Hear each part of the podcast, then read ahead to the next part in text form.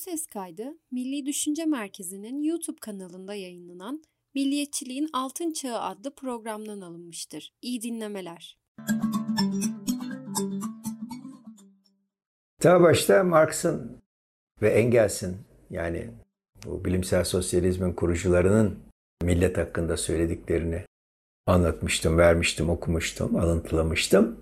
Ama artık sol öyle değil. Sol hem dünyada hem Türkiye'de onlar da dünyaya baktıkları için ve algılarını ona göre düzelttikleri için artık milliyete karşı değil. Mesela Tom Nairin diye e, Edinburgh Üniversitesi'nde emekli, emeritus bir profesör var, tarihçi.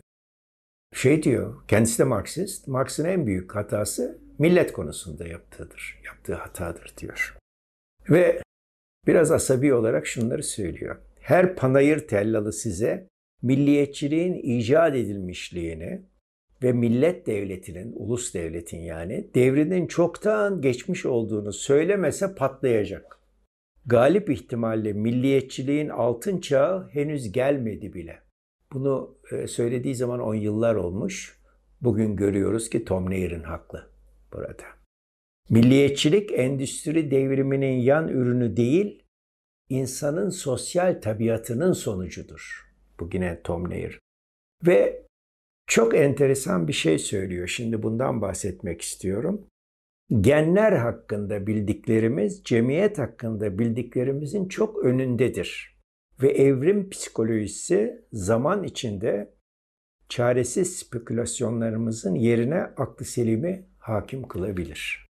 Foreign Affairs dergisinin Yeni Milliyetçilik başlığıyla çıkan özel sayısından bahsetmiştik. Orada bir makale var. Enteresan bir makale. Milliyetçilik konusunda sizin beyniniz işte bu. Biyoloji biz ve onların biyolojisi diye bir makale var. Bu makalede bir teknikten bahsediliyor. Fonksiyonel MR denilen bir teknikten. Öyle bir teknik ki bu siz birine baktığınız zaman veya bir görüntüye baktığınız zaman beyninizin hangi noktalarının harekete geçtiği bu fonksiyonel MR ile görülebiliyor. Robert Sapolsky adındaki yazar kendine benzemeyenlere bakan insanın beyninde amigdalanın harekete geçtiğini gösteriyor. Fotoğrafı da bu. Bu kırmızı noktalar beynin harekete geçen noktalarını gösteriyor. Bu harekete geçiş saniyenin onda birinde oluyor. Benden değil. Dikkat. Hatta düşman. Bu tetikleme var. Bir yırtıcı hayvan gördüğü zaman da bu oluyor. Fakat insan gördüğü zaman da eğer kendine benzemiyorsa aynı reaksiyon görünüyor. Bir, bir buçuk dakika sonra ön korteks devreye giriyor. Yok ya bu benim tanıdığım yani bana benzemiyor ama işte falanca. Burada evrimden gelen bir olay var. İnsanlar benden ve değil diye bir sınıflandırma yapıyorlar. Bu benden sınıflandırması insanın cemiyet içinde yaşamasına sebep oluyor. İnsan mutlaka cemiyet içinde yaşamış tarih boyunca. Milyonlarca yıl boyunca diyeceğim. Modern insan milyonlar yaşında değil ama jetlerimiz oraya kadar gidiyor. Birlikte yaşama. Neden birlikte yaşama? Savana. Otların içinde bir insan. Bir insan, tek insan. İyi de otun içinde aslan var, kaplan var. Ne yapacak bir insan? Yok olacak. Ama o bir insan değil de 50 insansa, 100 insansa ve bunlar birlikte hareket ediyorlarsa ve yüzünün de elinde balta varsa ve bağırarak o aslanın veya kaplanın üstüne gidiyorlarsa baltaları atarak aslanın kaplanın hiçbir şansı yok. Kaçmak zorunda kalıyor. Ve insan ancak öyle e, hayatta kalabiliyor. Peki bu davranışa katılmayan insanlar var mıydı? Vardı. Ne oldular? Onların genleri bugüne gelmedi. Onların çocukları olmadı. Çünkü aslanlar, kaplanlar onları afiyetle yediler. Geriye kalanlar cemiyet halinde yaşayabilen, işbirliği yapabilen insanlar. Bu bir. İki, benden olmayanı da tanıyan insanlar. Çünkü onu tanımıyorsanız o kendisi benden benden olmayan ayrımını yapanlar gelip sizi hallediyorlar. Dolayısıyla sosyobiyoloji deniyor buna veya evrim psikolojisi deniyor. Demek ki bu işler canımızın istediği gibi şuraya veya bu, buraya çevrilebilen işler değil. E, bunun arkasında milyonlarca yıllık tabiatımız var. Fıtrat deniyor buna. İnsan boş bir tahta olarak gelmiyor dünyaya. İstediğinizi yazamıyorsunuz üzerine. Dışı nasıl belliyse iki tane gözü olacak, iki tane kulağı olacak. Beyin yapısı da belli, cemiyette yaşaması da belli. Evet. Bunu kim ilk fark etmiş? İbn Haldun fark etmiş. Zaten sosyolojinin kurucusu da rahatlıkla İbn Haldun'dur diyebiliriz. Ve İbn Haldun diyor ki ne kadar yakınsa akrabalığınız o kadar bağrınıza basarsanız benden dersiniz. Uzaklaştıkça bu bağ azalır diyor ve asabiye diyor buna İbn Haldun. E, devleti bir arada tutan da bu asabiyedir diyor. İşte onun teorisinde e, devletleri bu asabiye kurar. Ondan sonra bu gevşer. İçeriye akraba olmayanlar falan da girer. Yani başkaları girer.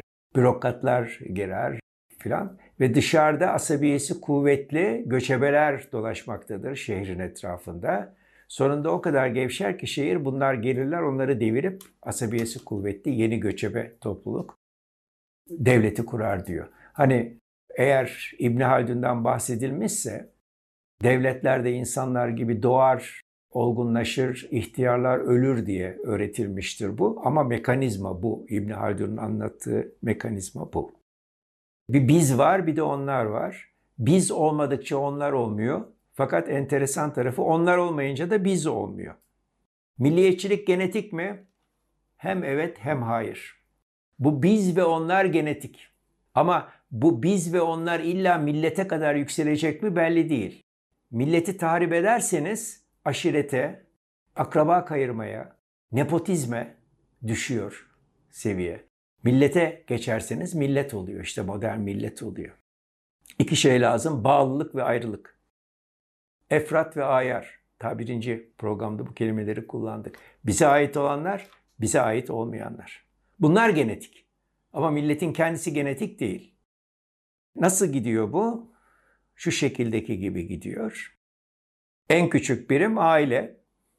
Ondan sonra sülale geliyor ki 7. 8. asırda kavim dendiği zaman da aşağı yukarı bu kastediliyor. Sonra kabile aşiret boyuna gidiliyor birlik. Sonra boy oluyor. Sonra millet oluyor. Mesela Araplarda çok uzun süreler Arap seviyesine çıkılmamış. Emeviler var, Abbasiler var. Araplar değil. Ve kendilerini şeyin ismiyle, kabilenin bile değil, kavmin ismiyle isimlendiriyorlar. İşte kavmiyetçilik bu. Abbasilerle. E, ikisi de Kureyş'in, Kureyş kabilesinin kavimleri bunlar. Her ikisi de öyle. Bugün kavimin, e, kavim millet yerine kullanılmaya çalışılıyor. Yanlış. Yani yanlış değil. E, kelimelerin manası değişiyor. Bugün öyle kullanılanlara eyvallah diyebiliriz. Ama o zaman o manada değildi. Peki büyüye doğru gidiyoruz. Tamam. Neden büyüye doğru gidiyoruz? İletişim arttıkça insanlar hem kendilerini tanıyorlar hem dışarı kendilerinden olmayanı tanıyorlar. Burada kilit iletişim. Benedict Anderson bu millet teorisi üzerinde çok duran bir insan der ki millet basın kapitalizmiyle doğmuştur. Neden? Çünkü Almanya'nın göbeğinde bir adam oturuyor. E, kendisi Almanca konuşuyor. Yan köyleri biliyor. Onlar da Almanca konuşuyor. E bu neyi bilir? Biz olarak ailesini bilir. Yeğenlerini, amcasını falan bilir. Onları tutar. Hadi kendi köyünü tutsun. O öbürü öteki de şeydir. Öbür köydür en fazla. Fakat Gazete ve dergi gelmeye, kitap gelmeye başlar ve adam bir görüyor ki aa Alman olmayanlar var. Mesela Balkan Harbi'nde bir asker, kaçan bir askere neden kaçıyorsun diye sorulduğunda Kayseri Ovası benim neyime yetmez diye cevap veriyor. Orada şey yok, Türk. O askerde yok, Çanakkale'de var ondan sonra, onu vermişler onları.